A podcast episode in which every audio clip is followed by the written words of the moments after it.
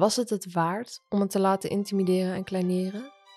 Om een normen en waarden in te ruilen voor studiepunten?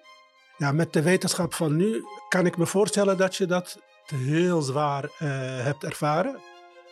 Zullen er meer studenten zijn die net als ik te maken kregen met intimidatie tijdens hun stage?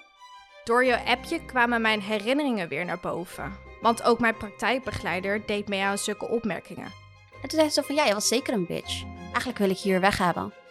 Ze schold mij vaak uit in haar moedertaal. Voor hoerenzoon, klootzak, sukkel en waardeloos. Wat zegt Stichting Elbow hierover? En hoe handel je eigenlijk in zulke situaties? Grote bedrijven, kleine bedrijven. We weten ook dat dat slechts een, een deel is van wat er onder die ijsberg uh, nog allemaal meer is. Zou mijn eigen praktijkbegeleider weten dat ik me geïntimideerd voelde tijdens mijn stage? Dit is Schade achter de schermen, een podcast van mij, Tamar Pierau, gemaakt in opdracht van Stichting Elbow.